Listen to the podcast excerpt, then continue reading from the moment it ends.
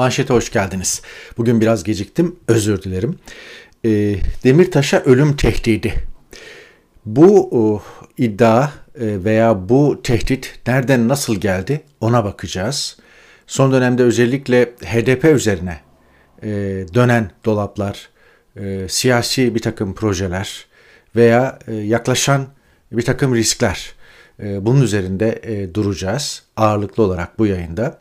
Ve elbette Türkiye'deki genel şeytanlaştırma işte geçen haftaya nasıl Bülent Ersoy damgasını vurduysa bu haftaya da Sezen Aksu damgasını vurdu. Sezen Aksu üzerinden bir hikayedir gidiyor. Ee, onlara da değineceğiz birkaç. Ama öncelikle bu Demirtaş'a ölüm tehdidi meselesine e, meselesiyle başlamak istiyorum. E, bunu dile getiren kişi Ali Kemal Özcan.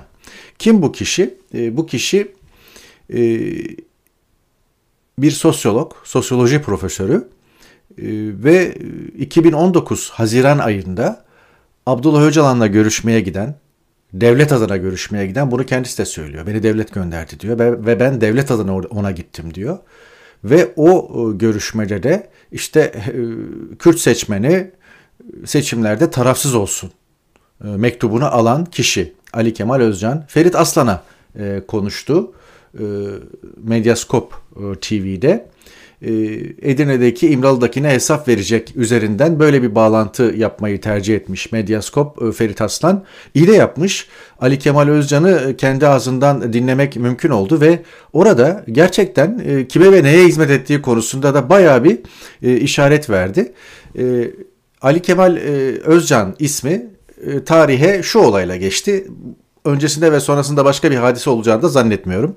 Ee, bir sosyoloji e, profesörü olarak çok sayıda e, makalesine atıfta e, bulunulması falan bununla övülmesi hiçbir şey ifade etmiyor. O akademi dünyasının ifade edeceği bir şey. Ama bu üstlendiği rol itibariyle de dikkatinizi çekerim. Ben onun sosyoloji profesörlüğüne çok fazla itibar etmezdim. Edenler etsinler bir şey demiyorum.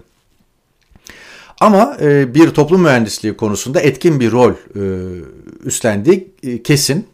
E, bu kişi e, Ali Kemal e, Özcan 2019 Haziran ayında İmralı adasına gidiyor. Abdullah Öcalan'la görüşmek üzere. Ve e, beni İmralı'ya e, gönderen e, akla ben uydum diyor. Ve beni oraya devlet gönderdi diyor. Ve bunu da asla e, yadırgamıyor.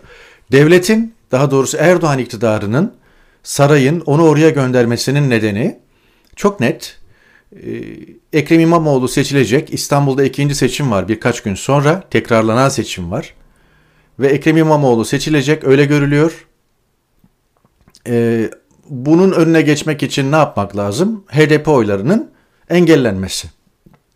Ekrem İmamoğlu HDP oylarıyla seçilmesin diye Abdullah Öcalan'dan bir mektup alınıyor.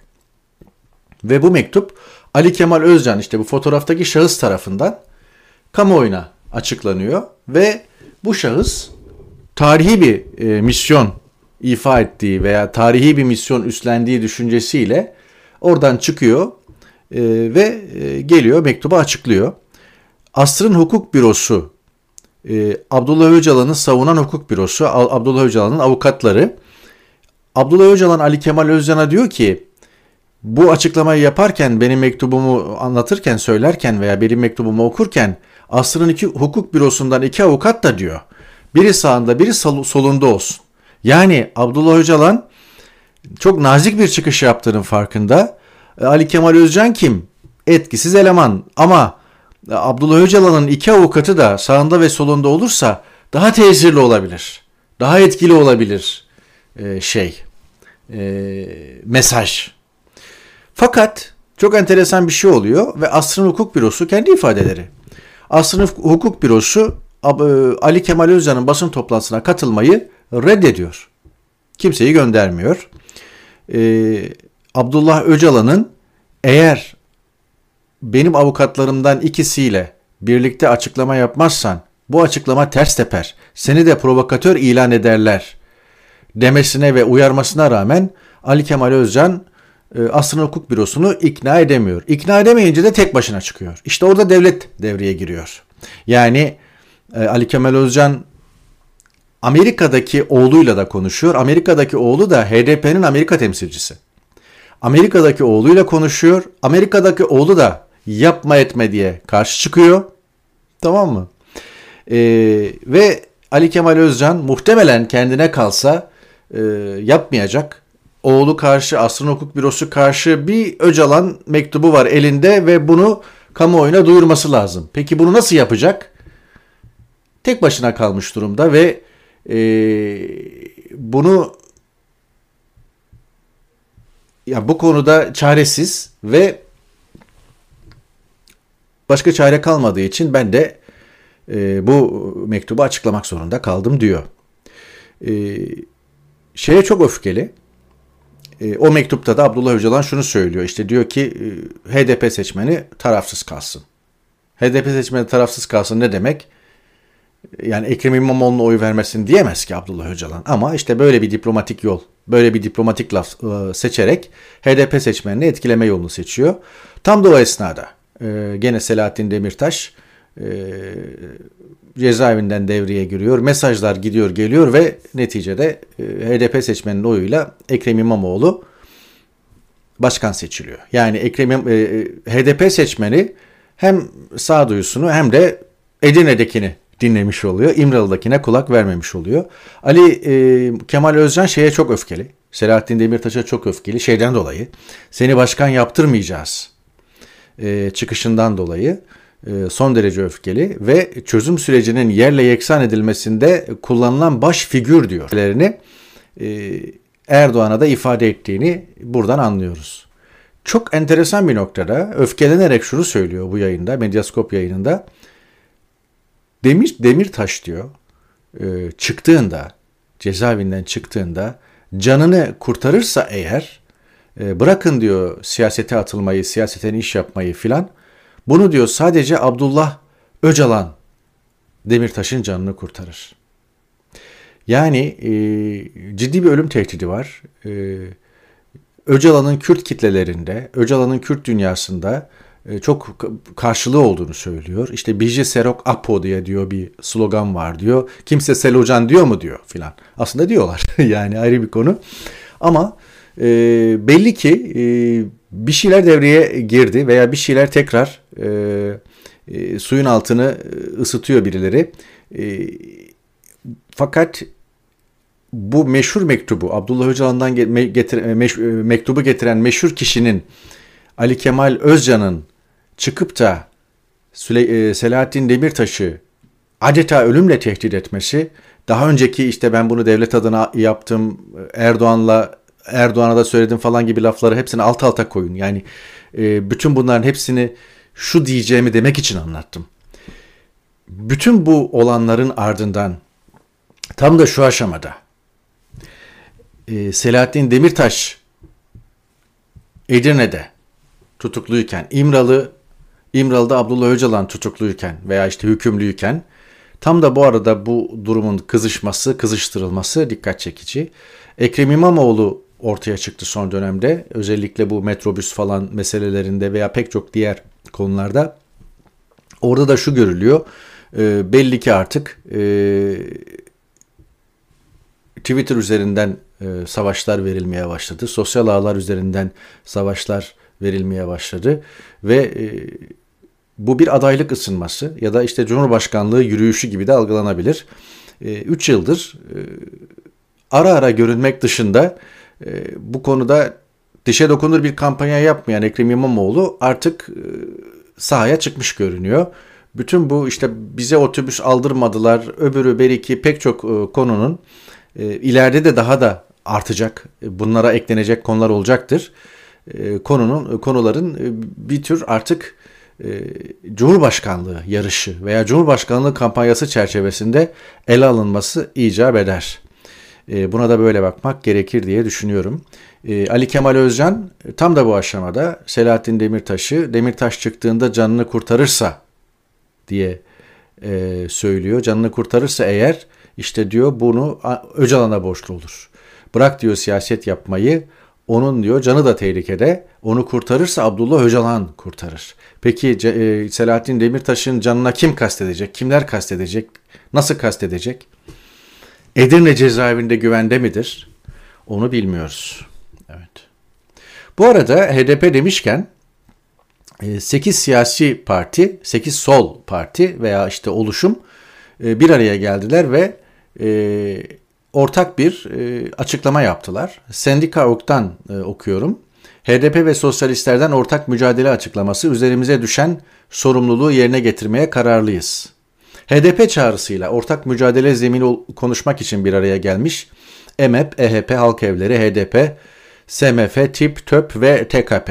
Toplantı sonrası ortak bir açıklama yapılmış. O, olası seçimler öncesinde ittifak e, tartışmalarıyla da gündeme gelen toplantının sonrasında yapılan açıklamada mücadele zeminlerini ortaklaştırmak, ortak mücadeleleri büyütme ve kapsayıcılık adına bütün demokratik güçleri müdahil, dahil edebilme vurguları öne çıktı diyor.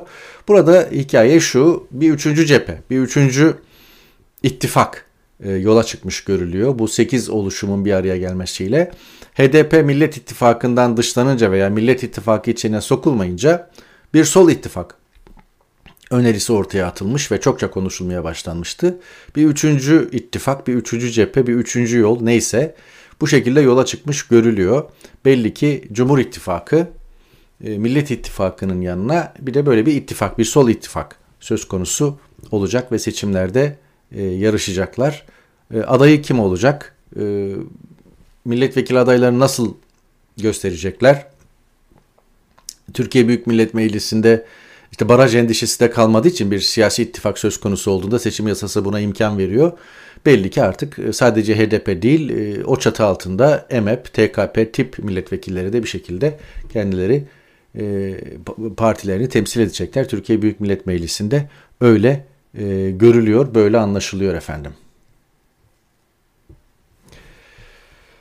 Sol ittifaktan geçelim hilafet meselesine. E, son günlerin e, e, Twitter'da trend olan e, konularından biri hilafet. Yani seçim rafa kalkarsa e, ve artık hmm, yani seçimi kazanamayacağını görürse saray acaba e, direksiyonu hilafete mi kırar?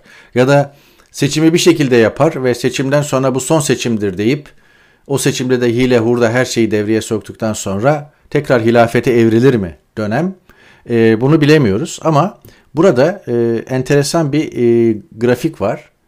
E, bu grafik özellikle propaganda başkanlığı tarafından da el altından e, köpürtülen ve elden ele yayılan bir grafik. Halife, ümmet me- me- meclisi, işte altında Beytülmal, valiler, medya vesaire, yargı bu şekilde böyle ayetlere, hadislere dayanan bir şekilde e, hilafet devletinin yönetim ve idari organları falan diye bir şey ısıtıldı, köpürtüldü, geliyor. Bakalım iş nereye gidecek.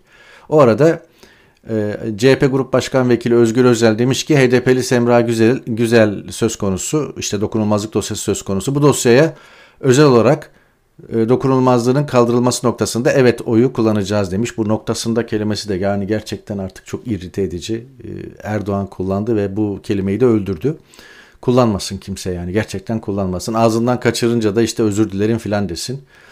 Bir daha da kullanmaz zaten. Şimdi bu HDP'li Semra e, Güzel'in bir PKK'lı ile fotoğrafı e, servis edildi yıllar sonra ve onun nişanlısı olduğu ifade ediliyor ve bununla bir terörle filan ilişki kurularak e, belli ki milletvekilliğinden atılacak, dokunulmazlığı kaldırılacak ve cezaevine konulacak. İş oraya doğru gidiyor. Ömer Faruk Gergerlioğlu'nu hatırlayın tuhaf. İşte bu iktidar projelerine İyi Parti'den sonra CHP'de okey demiş. Demek ki dönemin yeni çizgisi, rengi bu. Ee, o arada HDP demişken e, Anayasa Mahkemesi'nde enteresan gelişmeler oluyor.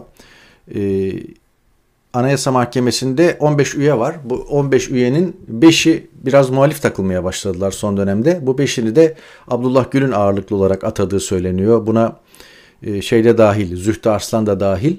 Ben Anayasa Mahkemesi'nin içinde 5 muhalifi falan o tür laflar benden çıkmaz, duyamazsınız. Anayasa Mahkemesi e, kendi kuruluş amaçlarına ve e, kendi ilkelerine, kendi ettiği yemine filan neyse artık üyeler ihanet etmişlerdir ve bunu hala yapıyorlar. Almaları gereken hukuki tavrı ta baştan beri alamadılar. 2014, 15, 16, 17, 18 Eski başkan döneminde de bu durum böyleydi. Çok fazla değişmedi.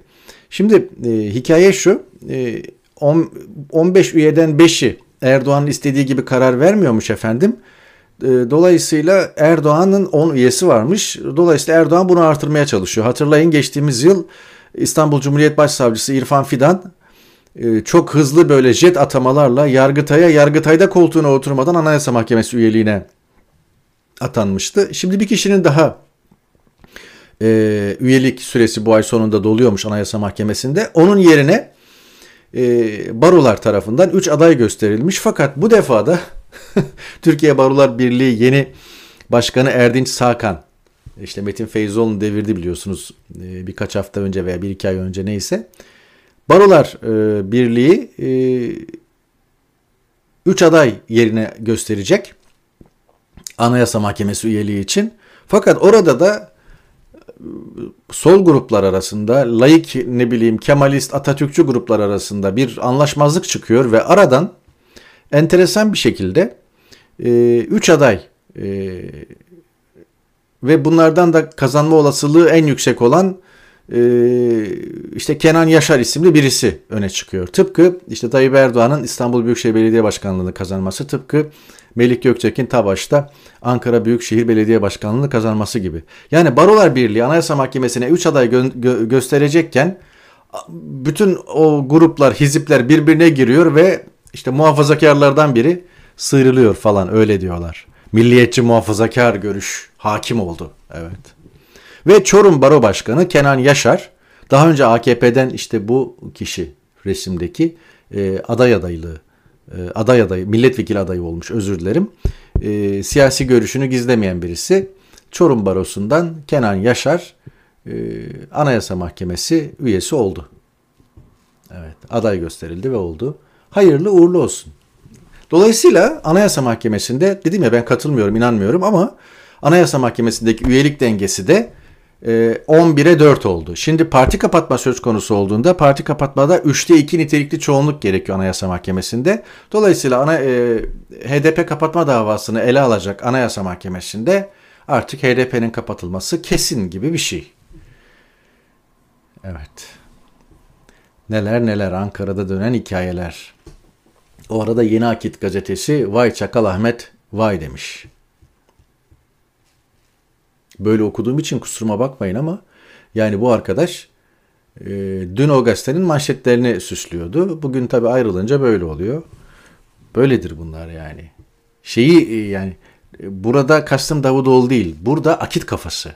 Akit kafasını anlama rehberine mutlaka o albüme bu e, caps konmalı yani. Pelin Batu paylaşmış bu kadar çok haksızlığı görüp bir şey yapamamanın sonucunda insan ya hasta olur ya hissiz. Hatasız mı? Yanlış mı? Aynen öyle. İzmit'ten bir hastam geldi diyor Yalçın Solak. Google'dan bulmuşlar beni. İzmit'te nefrolog yok hocam devlettekine de ulaşamıyoruz diye yakındılar. Vardı ama şimdi Almanya'da biri dedim. Neyse ki siz varsınız dedi. Ben de gideceğim dedim. Güzel bir şey mi şimdi bu durum diye soruyor. Nefrolog yani böbrek e, rahatsızlıkları konusunda uzman. Koca İzmit'te bir kişi kalmış o da gidiyor. Vah ki vah. Oysa biz halen Sezen Aksu'yu tartışmaya devam edelim. Her kuşun eti yenmez demiş karga kafası. Öznur Kalender'de Sezen Aksu bizim kalbimizdir diyor. Evet. Sezen Aksu'yu tartışmaya devam. O arada Atalan Üsküdar'ı geçti. Anayasa Mahkemesi'nde ne oldu? Üyelik, dengeler, bilmem ne, Barolar Birliği. Neredesin? Sezen Aksu. Sezen Aksu'yu tartışın siz. Sezen Aksu'yu konuşun. Bu haftayı Sezen Aksu'yla geçirin. Bir sonraki yayında görüşmek umuduyla efendim. Hoşçakalın.